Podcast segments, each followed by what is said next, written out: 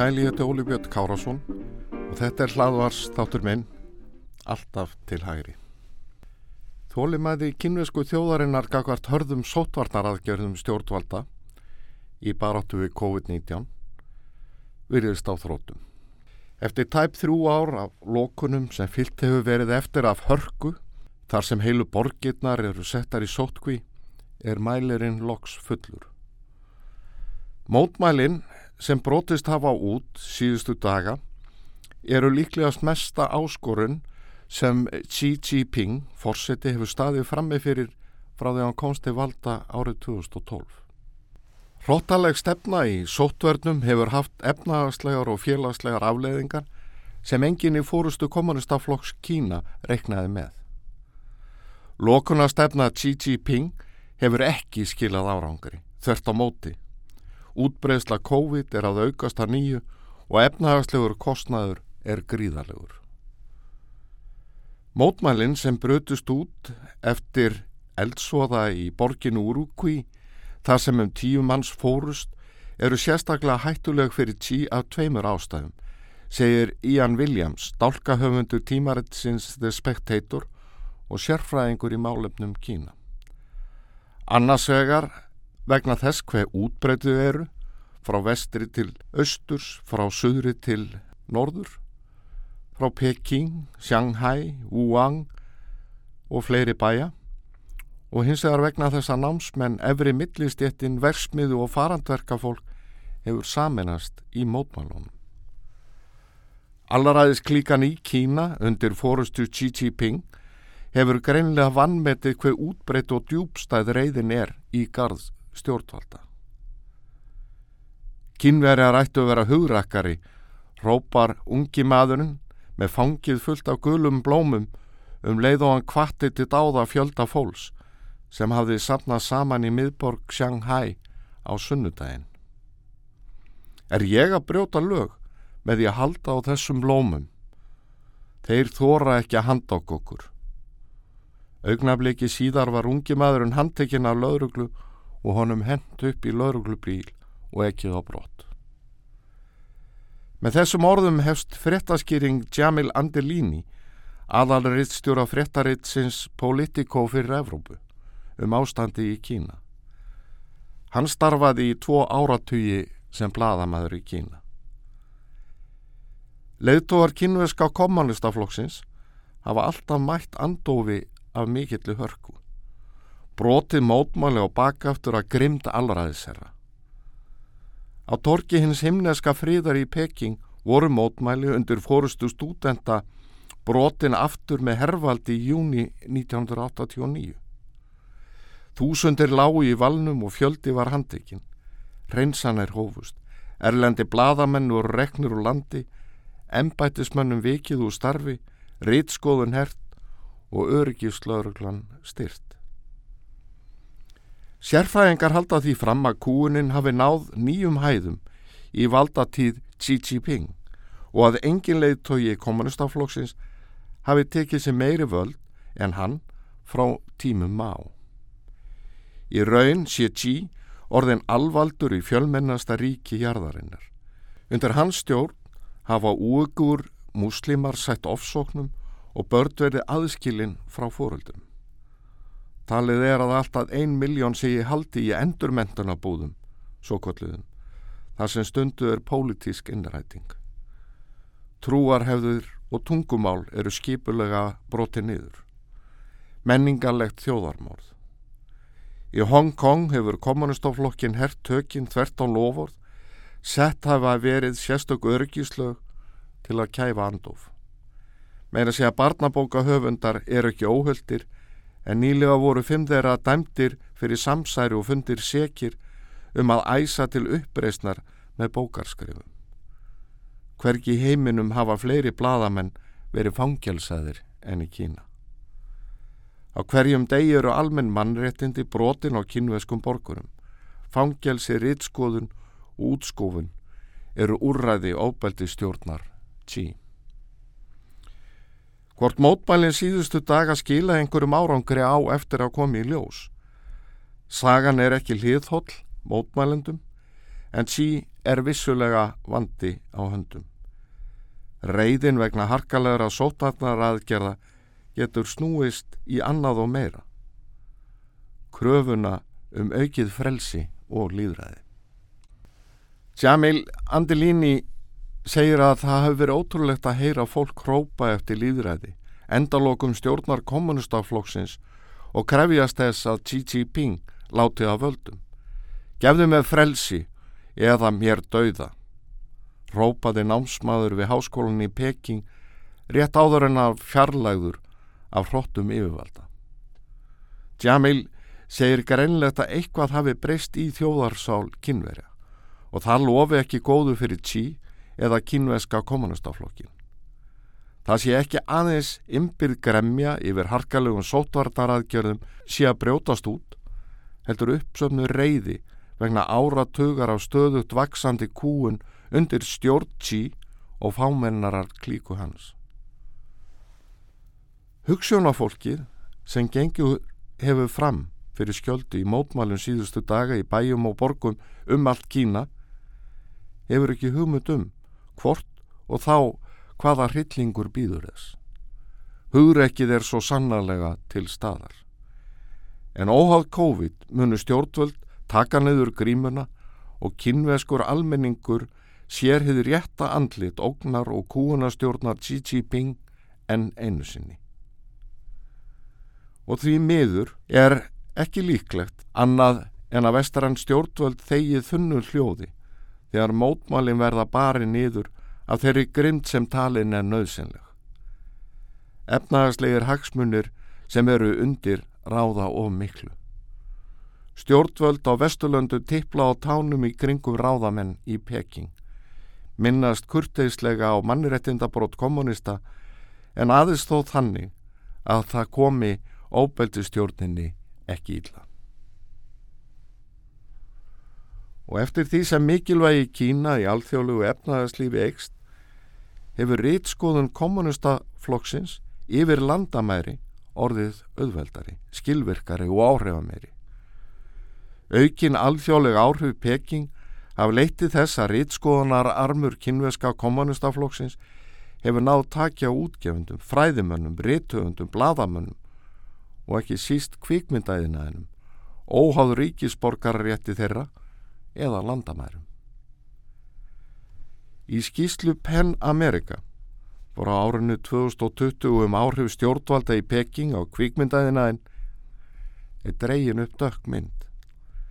Skíslan veitir insinn í hvernig kynveð stjórnvöld hafa með betni og óbetni rittskoðun haft áhrif á Hollywood og alþjálegan kvikmyndaðinað. Með skipulögum hætti hefur kynveðski kommunistaflokkurinn náð kverkataki á kvikmyndagerð. Stæstu framleiðendur heims leika eftir þeirri forskrift sem þeim er gefin.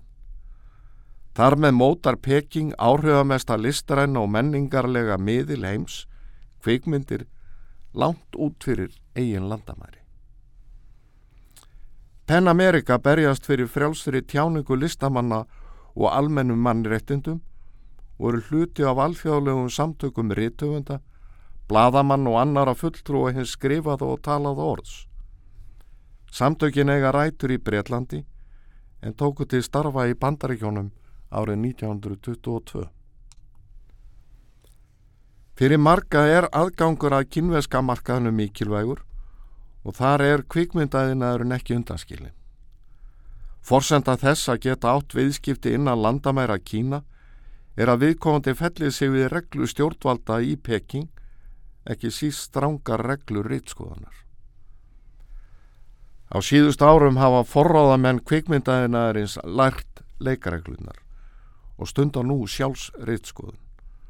Fórstjóra kvikmynda vera aðlaga handrit bíómynda söguþráð samtul og umgjörð af því sem þeir telja vera þóknarlegt kynveska kommunistafloknum. Val á leikurum má heldur ekki styggja ráðamenn í Peking.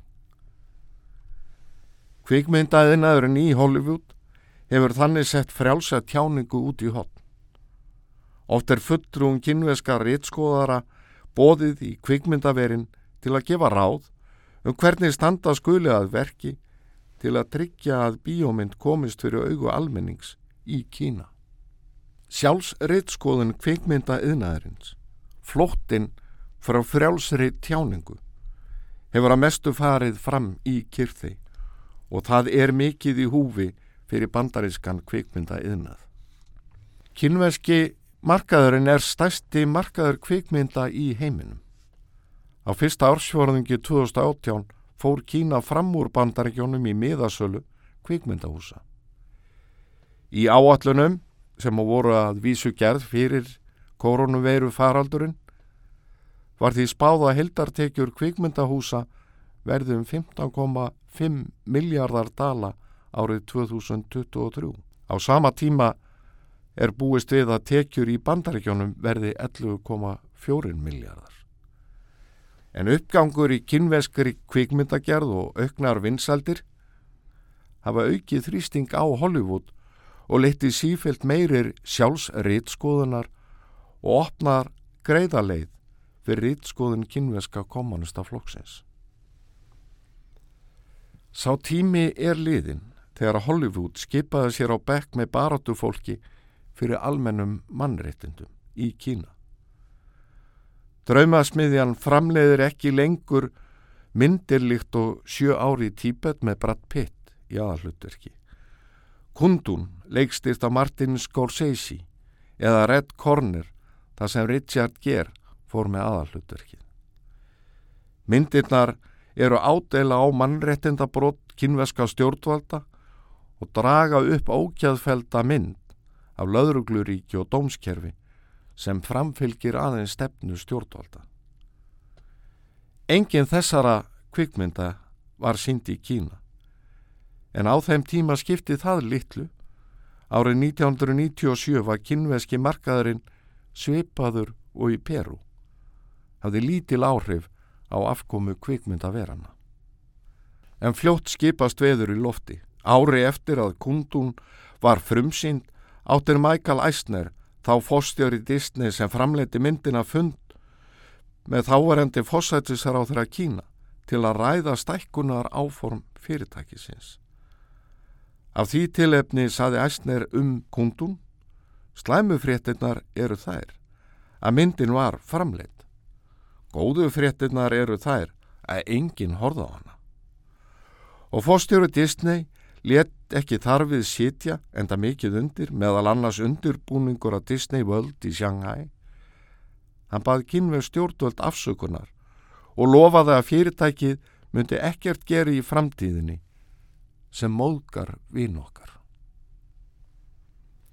Þrælslund Hollywood, gagart kynveska kommunistafloknum, byrtið skýrlega í yfirlýsingu nátt leikstjóra sjöari í Tíbet um að hann hefði aldrei stutt sjálfstæðisbaratu Tíbeta og aldrei átt samskiptið í Dalai Lama. Leikstjórun lísti því hátilega yfir að útilokað væri að hann yrði vinur sjálfstæðishetju og trúarleðtoga Tíbet. Allt er gert til að forðast svarta lista yfir óæskilega listamenn með sjálfstæðar skoðanir.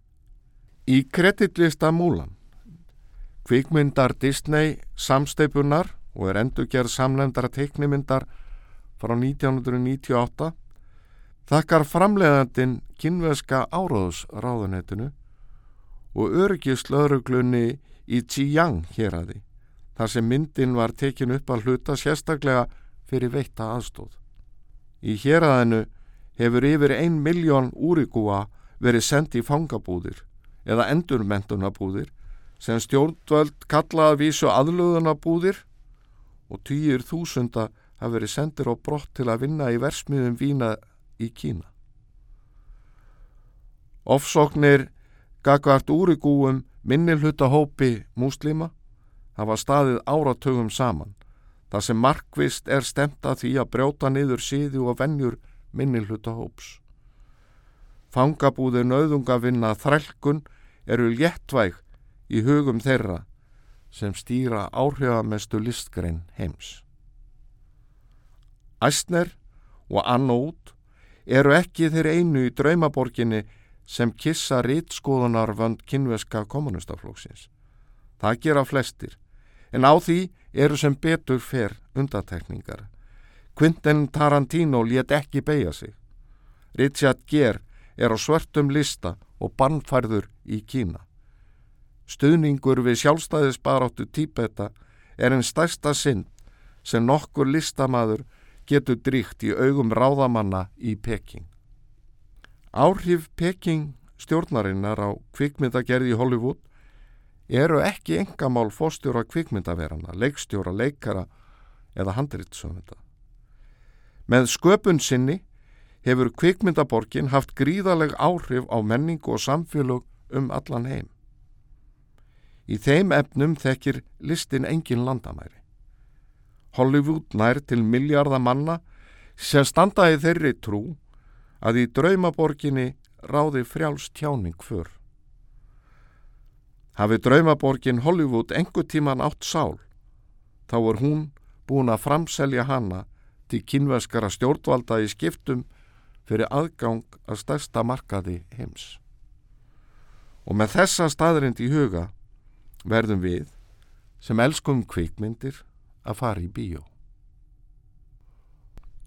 Og þetta er einn ástæða þess að það er því miður ekki líklegt að stjórnvöld á Vesturlöndum og raunar jafnvel allur almenningur muni taka afstöðu með mótmælendum í Kína. Efnaðislegir hagsmunir virðast ráða hér för, því miður. En kannski, en kannski munum við hillast af hugreikki kynves almennings. Ég vil frelsi eða gefðu mér dauða, rópaði ungi maðurinn í mótmælónum og við ættum að taka undir með honum. Það er síðferðileg skilda okkar allra. Ég þakka þeim sem hlítu, eigi góðar stundir.